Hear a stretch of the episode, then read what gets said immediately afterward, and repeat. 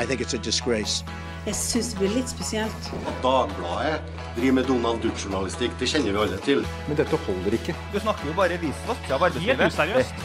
You are fake news. Go ahead. Vi hadde jo tenkt å ha en debatt om by og land, om elitisme og folk flest og distriktene og sentralisering og sånn. Men på en lørdag ettermiddag så var alt vi fikk tak i, var to representanter for Oslo-eliten. Eh,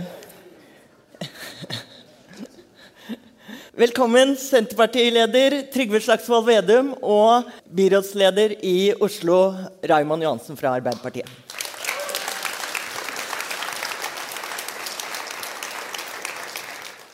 Velkommen til eh, jubileumspod. Eh, vi, er sånn, eh, vi har jo knapt startet denne podkasten, så vi gjør sånn som vi alltid gjør i Dagbladet. Bare kaster oss uti det. Ja, Aftenpodden og disse brukte jo flere år før de turte å gå live. Men eh, vi gjør det med en gang. Jeg har da tatt på meg grønn kjole fordi at Trygve er så langt hjemmefra. Så han skal føle seg hjemme. Han er jo opptil flere meter fra Stortinget. Ja, det er hardt. Så, så du føler deg bekvem med at folk er snille med deg her? Og Ja, Det er jo det som er så hyggelig i Norge. Vi er jo stort sett snille med hverandre. Men, men nå ser jeg Ole Torp satt i salen. Jeg håper at han eh, korrigerte meg en gang jeg var på debatt. At jeg hadde feil farge på skoene, for det var brune etter klokka seks om kvelden. Nå er klokka før seks, Ole. Så, det er sånn du lærer når du kommer til Oslo. Når skal du ha på deg ulike typer skor og sånn. Så Ole Torp har lært meg det, da. Så det, så du det litt utrolig hva du lærer når du er her i Storbyen. litt lite storbyen. grønt. Ja, er sant det. Ja, Ja. Eller kanskje litt sånn der. Nei, Får være som den er. du har jo bare stukket rett opp. Ja, du har også riktig sko. Jeg syns det er litt dårlig med skopussing her, altså. Ja, det er ikke bra. Det må jeg si. Eh, men disse to gutta eh, Det virker som det er jovial og trivelig stemning her, men eh, det skal vi straks få en slutt på. Ja. Fordi de er ikke bestevenner for tiden. Du, Trygve Slagsvold Vedum, du eh, startet jo først eh, ballet med en elitedebatt i Klassekampen, og så eh, slo slugeren eh, Raymond tilbake med og sa 'ikke kødd med Oslo'. Det skal vi komme litt tilbake til, faktisk, tror jeg, fordi at først må vi snakke litt om jubilanten. Det er bra. Ja. Så det, eh, eh, Trygve var litt redd for at han ikke skulle få være frekk mot oss, men det er lov, og det, skal, det er faktisk påkrevd. Men eh, Trygve, hva slags forhold har du til Dagbladet? Er vi, vi er jo en mye bedre avis enn Nasjonen, egentlig. Det er ingen tvil om at det er mer kraft i Dagbladet enn det er i Nasjonen, for det er mer ressurser. Så sånn, sånn er det jo. Men hvis, man litt, sånn- hvis man går litt tilbake når man først har sånn jubileumsdag, så må man se litt på historien. Og jeg syns jo når, med sitt opphav liksom, i, i det gamle Venstre, den gangen Venstre var et parti Nei, nei, nå bare Frida er da Men det kan ikke var, og, og hadde litt holdning, så burde jo Dagbladet vært mer maktkritisk enn man er. For eh, når du tenker deg Johan Sverdrup og parlamentarismen og mot uh, Selmer-regjeringa og statsrådssaken, så var det at den var mot embetsmannsstaten. Og jeg syns en del av kommentarene i Dagbladet de siste ukene at den har vært veldig for embetsmannsstaten og litt mindre på folkestyrets side. Så jeg syns dere skal gå tilbake til Men- røttene. Men, eh, men det var før uh, embetsmannsstaten begynte med elsykkel, Trygve. Ja, det var jo det. det er jo det som er interessant da, når du ser 1800-tallets uh, Norge. Nå er, jeg jeg var så heldig å bli intervjua i Morgenbladet for noen uker siden om eh, feiden mellom Wergeland og Welhaven.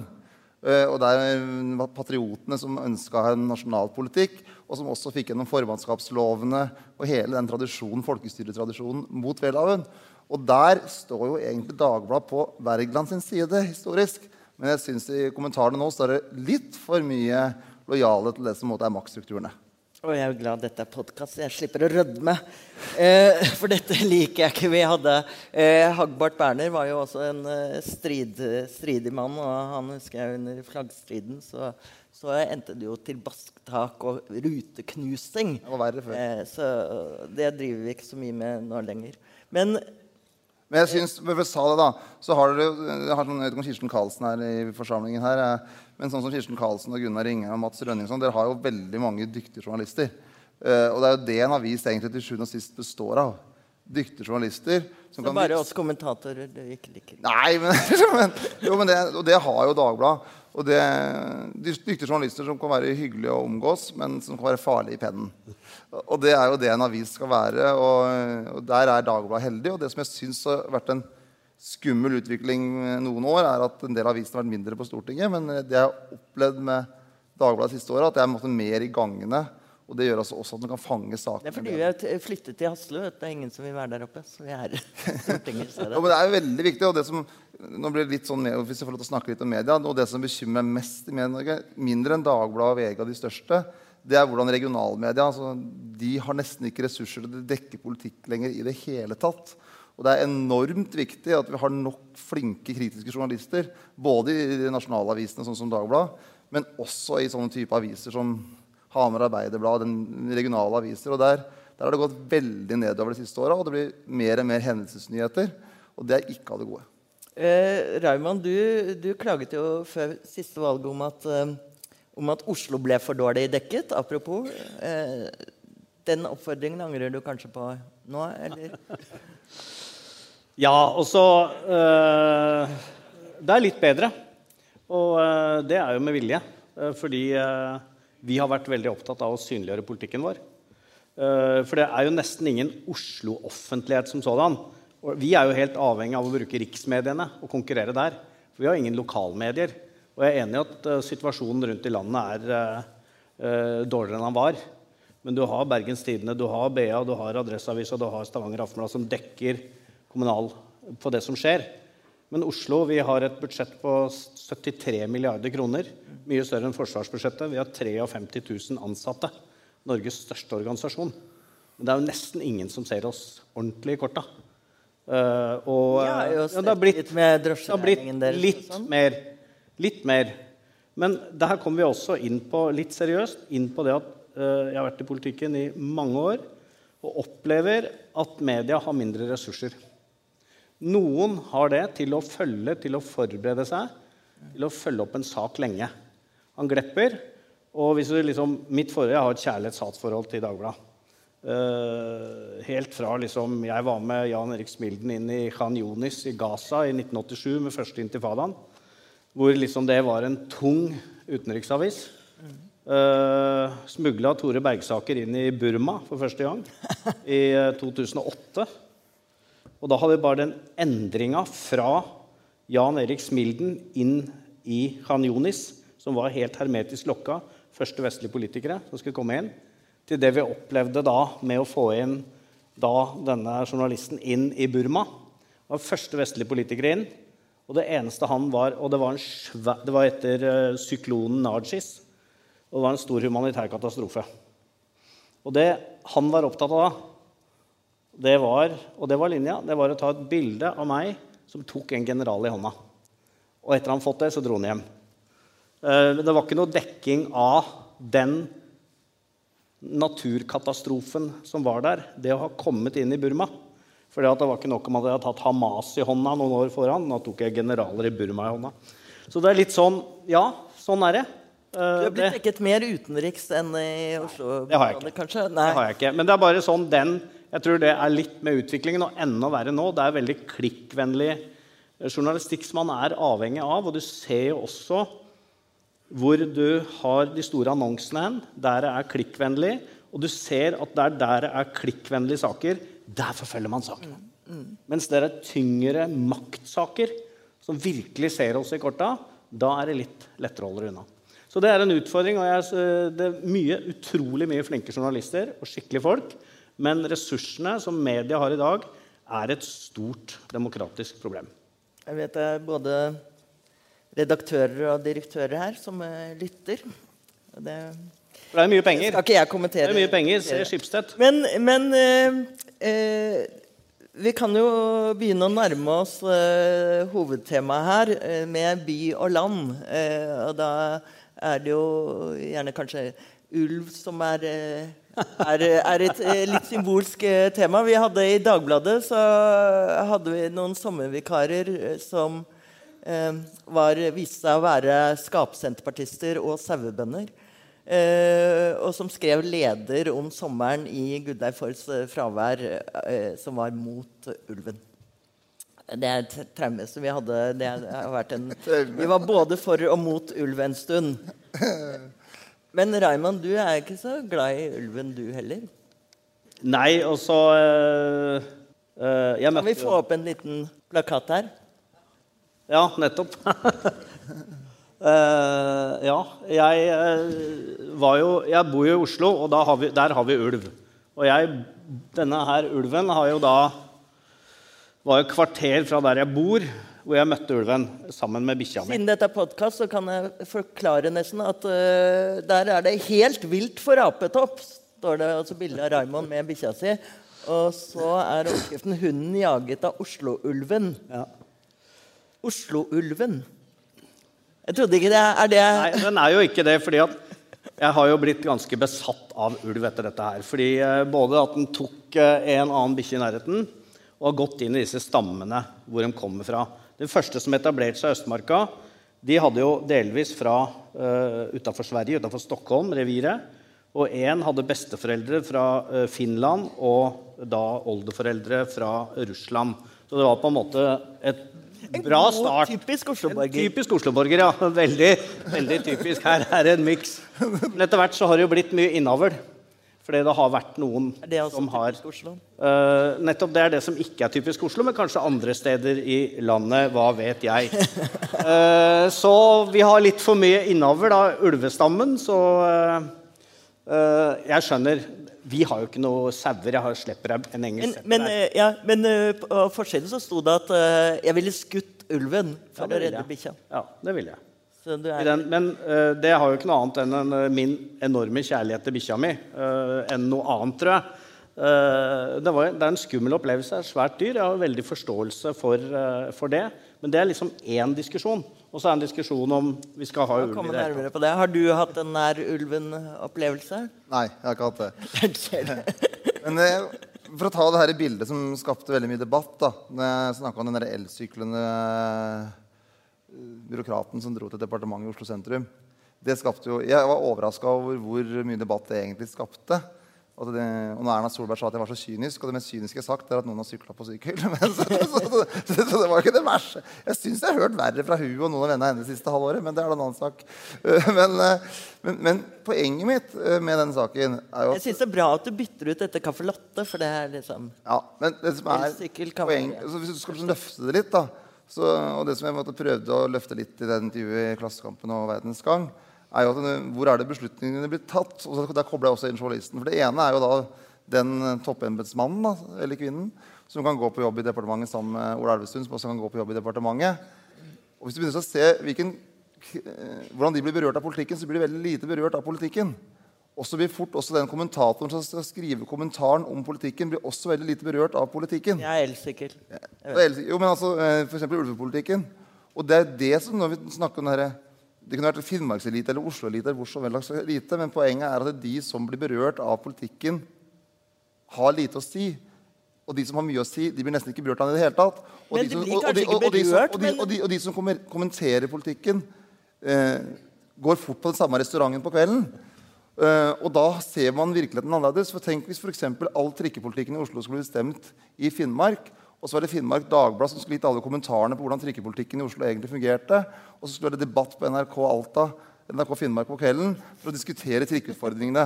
Og det er jo egentlig poenget mitt. Det handler jo ikke om det er Oslo eller om det er Finnmark, eller hva det er, men at det er ingen tvil om at det er veldig mye makt konsentrert midt i byen.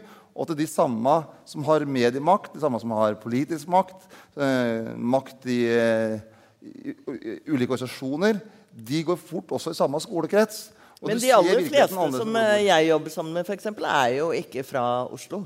De er jo fra andre steder og har Ja, men sånn er jo Norge, heldigvis. Ja. Men det som er noe av, hvis du tar tilbake til Dagbladets start, da, så var jo det en diskusjon mellom embetsmannsstaten og folkestyret. Med, med, med formannskapslovene 1837, og så kom det sånn parlamentarismen. Og hele den diskusjonen på 1800-tallet handla om den diskusjonen mellom en eller annen form for elite, embetsmannen, og folkestyre. Og det er den diskusjonen vi har hele tida, og så er det å finne den balansen. Og da må man være veldig bevisst på i en del beslutninger da, som f.eks. i rovdyrpolitikken, der de som blir berørt av politikken, føler at de ikke har noen ting de skulle få sagt. Og så når de løfter saken sin, så føler de når de leser en kommentar i Dagbladet eksempel, at det blir litt latterliggjort. Men Du mener samtidig ikke at vi kan ha en politikk hvor, hvor bare de som er berørt, eh, bestemmer hvordan det skal være? Altså, Nei, men det er jo den balansen. nei, sånn rovdyrpolitikk, f.eks. Nei, og det er jo den balansen man har hele tida. Altså, verden er jo ikke svart-hvitt.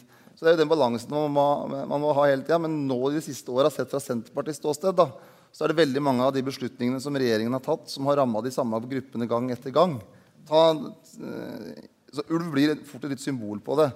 Nå så var det da en flokk som skulle tas ut i Aurskog-Høland. Eller skytes, da. Eller mordes, skrives det i Dagbladet. Det Drepes og mordes og så, samtidig som de opplevde det, at den eh, flokken da ikke skulle tas ut allikevel, eh, så opplever de samtidig at eh, dems lokale politi forsvinner fra Aurskog-Høland. De blir nesten helt borte. Og klart Det er miksen av de tinga som skaper så eh, stor frustrasjon. Og så, eh, så merker man da i den nasjonale mediedebatten at det ikke er noe tema. Men hvorfor er det ikke, så- er ikke det så stort tema? Jo, fordi at de som skriver kommentarene, er ikke berørt av det sjøl. Og det er jo bare Det er ikke, det er ikke noe moralisme i det. Men det, eh, men det tror jeg nok ja, er et poeng. Men du hadde et annet poeng som man ofte snakker om, i, at de som sitter i Oslo også kan føle den samme avmakten. Herre, herregud, om altså, 32% av Oslos befolkning er ikke etnisk norske eller ha en av foreldra sine som ikke er etnisk norske. Hvor mange av de føler virkelig at dem kan påvirke politikken? At det som diskuteres, dreier seg om deres liv? Ikke i det hele tatt. Eh, og det er det som er min eneste bekymring, er at du i for liten grad følger penga. Eh, høyeste, deler av Oslo har den høyeste arbeidsledigheten. Ute på Holmlia oppe i Groruddalen 4,2% Det kommer ikke noen vestlandspakker hit. Det er et helt annet problem. Da snakker vi om etnisitet, vi snakker ikke om klasse. Det er ingen dyp forståelse av de store sosiale problemene. Og jeg veit at du og jeg er enige om det, men det du sier, som det oppfattes som, er noe som rammer at jeg blir forbanna. Som er vokst opp i en høyblokk. Som føler at du angriper mine folk også. Som øh, føler seg underprivilegerte, som jeg sa litt sånn humoristisk. At eh, er du hjelpepleier og bor på en høyblokk på Stovner eller på Ammerud og går forbi Stortinget hver dag, så betyr ikke det at du tilhører verken eliten eller er nær makta. Og det er dette med, og jeg har jo i motsetning til deg vært Oslo-gutt hele livet og reist land og strand rundt. Og jeg må jo alltid nærmest unnskylde meg. Starte med å unnskylde meg og forklare hvem jeg er, hvem jeg støtter, hvordan dette ligger sammen. Og dette har endra seg litt gjennom åra. Vi hadde Einar Gerhardsen, Håkon Lie, begge fra Oslo. Da var by og land hand i hand. Fordi at vi må på en måte stole på, og det er der du har et godt poeng, du må stole på at de som sitter med makta, ønsker å ha en politikk for hele landet. Men det er jo ikke sånn at det er men, Men dere Erna to, er fra- dere to ja. er jo litt sånn motparter her, men dere har jo partiene deres har jo sittet i regjering sammen. Mm. Og Trygve, du var jo statsråd eh, der. Hva, det er like mye sentralisering som skjedde under de rød-grønne, som det skjer nå? Det er jeg helt uenig i. da. Fordi at eh, Når du ser de politiske beslutningene som skjer nå, så er det en, et av de største prosjektene til denne regjeringa her er jo sentralisering. Du ser det på absolutt alle, alle områder. Det kalles modernisering, robust, alle mulige fine ord. Men konsekvensen er sentralisering. Men hvis du tar de intervjuene som jeg begynte med, altså det Klassekampen-intervjuet, så handla det bare om at hvis du er så heldig å få en framtidende rolle som f.eks. partileder, så oppfør deg som folk. Det var egentlig det som sto i den, eh, den saken. Ikke ta helikopter, la jeg Ja, ikke ta helikopter, ikke snik i køen. Det skal jeg altså. klare. Ja, men så det, var, det var egentlig det som sto. Oppfør deg som folk, og da får du, da får du en mye bedre hverdag også som Det partileder. er veldig bra. Det Det, er, det var egentlig, det var egentlig det hvis- Også, også i VG-saken, Den yrkesgruppa jeg løfta mest fram, det var taxisjåførene i Oslo. Eh, men så har det liksom, men, men så det jeg kritiserte, det var den maktarrogansen i deler av eliten. Altså, jeg tør ikke å si det snart. Men, Men, men er det, er det en form for det er, jo veldig, det er veldig raskt at det blir satt populismestempelet på dette. Du er jo blitt kalt Men han må bare, det er ikke noe, det er ikke noe problem, det Trygve. Men han må bare skille det han sier, med makta, og ikke tillegge det at det er Oslo-folk. Du har vært veldig bra avklarende på det etterpå. Men jeg skal ikke føle meg forulempa av det, det du sier. Og det er noen ganger jeg gjør det som Oslo. Og så hvis du hadde, og jeg har sagt Det det er ikke noe sted i landet som er mer ramma av politireformen enn Oslo. Ja, det så jeg jo. Ja, men det mener jeg virkelig. Det er ikke noen som har hatt større problemer. Vi har store gjengproblemer, forebyggingsproblemer pga. politireformen.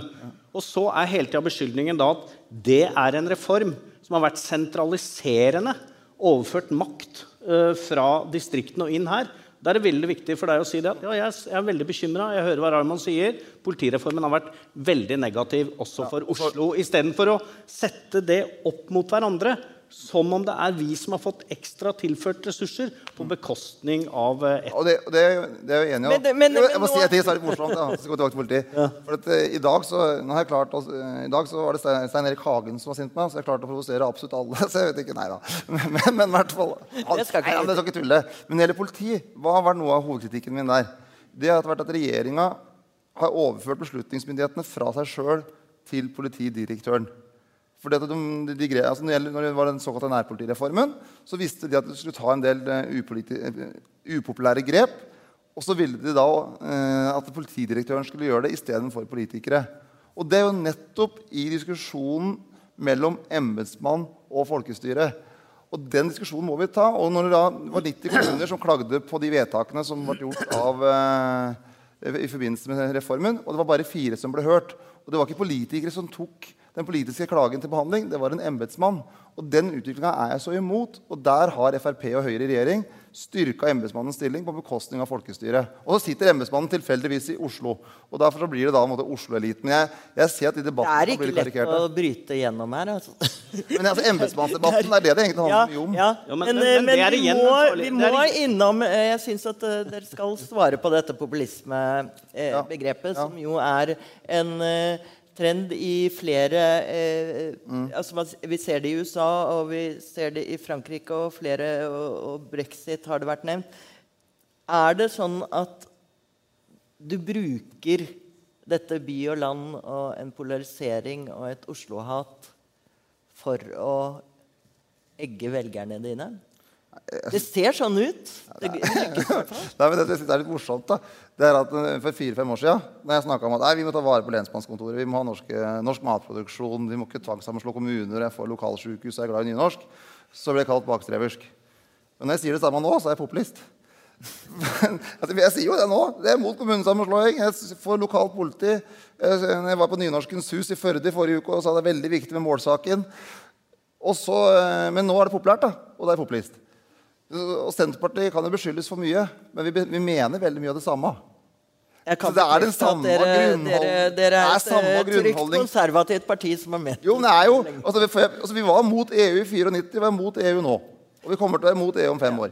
Så det er ikke sånn at vi har funnet på noe helt nytt. Vi har stått for en linje over tid. I motsetning til Dagbladet. Vi skifter Jo, men så er, så det, er ikke, det er ikke vinden det Det er ikke vi som har snudd kappa etter vinden, det er vinden som har snudd.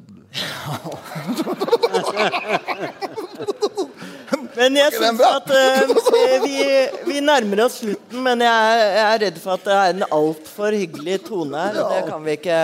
Det kan vi, ikke. vi må teste, teste forholdet, eller utrede muligheten for et forhold. Er det ikke det som er populært? å drive med? Em, Det er ikke alt vi skal svare på. Her forleden, eh, Trygve, så la du ut en sak på Facebook hvor du kritiserte Vålerenga fotballklubb Ja. fordi de solgte T-skjorter med påskriften 'Redd ulven, skyt bønda'. Etter din Etter din reklame for den, så ble selvfølgelig T-skjorten øyeblikkelig utsolgt. Ja. Eh, men eh, du sa eh, det er lov å bruke huet, sa du. Men er ikke det Mistet du ikke huet litt? Syns du det var så alvorlig? Nei, Det kan jeg ikke sikkert det var så alvorlig, men jeg syns vi skal være litt forsiktige. Altså, i ulvedebatt, altså, det, jeg har vært i mange politiske debatter, og det som er litt rart, er når det handler om dyr. Det er da folk er villigst til å skrive mest stygge ting. På, I brev og e-poster. Og akkurat når det gjelder dyr, så de gangene jeg får den type oppfordringer, eh, så, så handler det veldig om de her dyrevelferdsdebattene. Men du Så jeg vet syns- så jeg, så jeg syns vi skal si humor og sånne ting. Men jeg syns vi skal være litt forsiktige med å spille på humoren og skyte hverandre. Selv jeg skjønner, jeg skjønner at det ikke var alvorlig ment sånn. Men, jeg Men du vet selvfølgelig at Raymond er tidligere sportslig leder i Vålerenga. Jo, men vi, det som er så fint for oss Du, mener du at det er innafor? Eh, ja, det er innafor. Og eh, det er ikke pent. Eh, og det å ha 'Vi hater bønda', det har vært en, eh, en et slagord. Med Melin-supporter er bønder. ja, og det er mange bønder som, det er mange som står der og skriker, som kommer kjørende fra flatbygdene på Romerike, som er Vålerenga-fan, eh, som står og sier 'Vi hater bønda', eller 'Tramp, tramp, tramp på en kanarifugl'. Altså, det er jo Lillestrøm. Eh, det er heller ikke spesielt, det er jo ikke spesielt pent. Men eh, jeg tror de fikk en del ekstra fart på billettsalget etter ditt utspill. Men det er jo ikke pent. Men liksom det, å, det er jo mye som sies på fotballstadion som ikke er pent. Jeg syns det er verre når de, eh, når de kaster bananer mot eh, svarte spillere eh, på noen baner. Det jeg blir jeg ordentlig opprørt av. Dette her er en humor som er over streken, men jeg blir ikke opprørt. Jeg føler at dere er Dere må nok utrede relasjonen litt mer. I hvert fall i, i det fremtidige kommunale valget. Men, men jeg føler at dere tross alt er glade i hverandre, og vi i Dagbladet heier på kjærligheten. Veldig eh, Størst av alt. Takk for at dere kom. Tusen takk. Takk skal du ha. Takk skal du ha.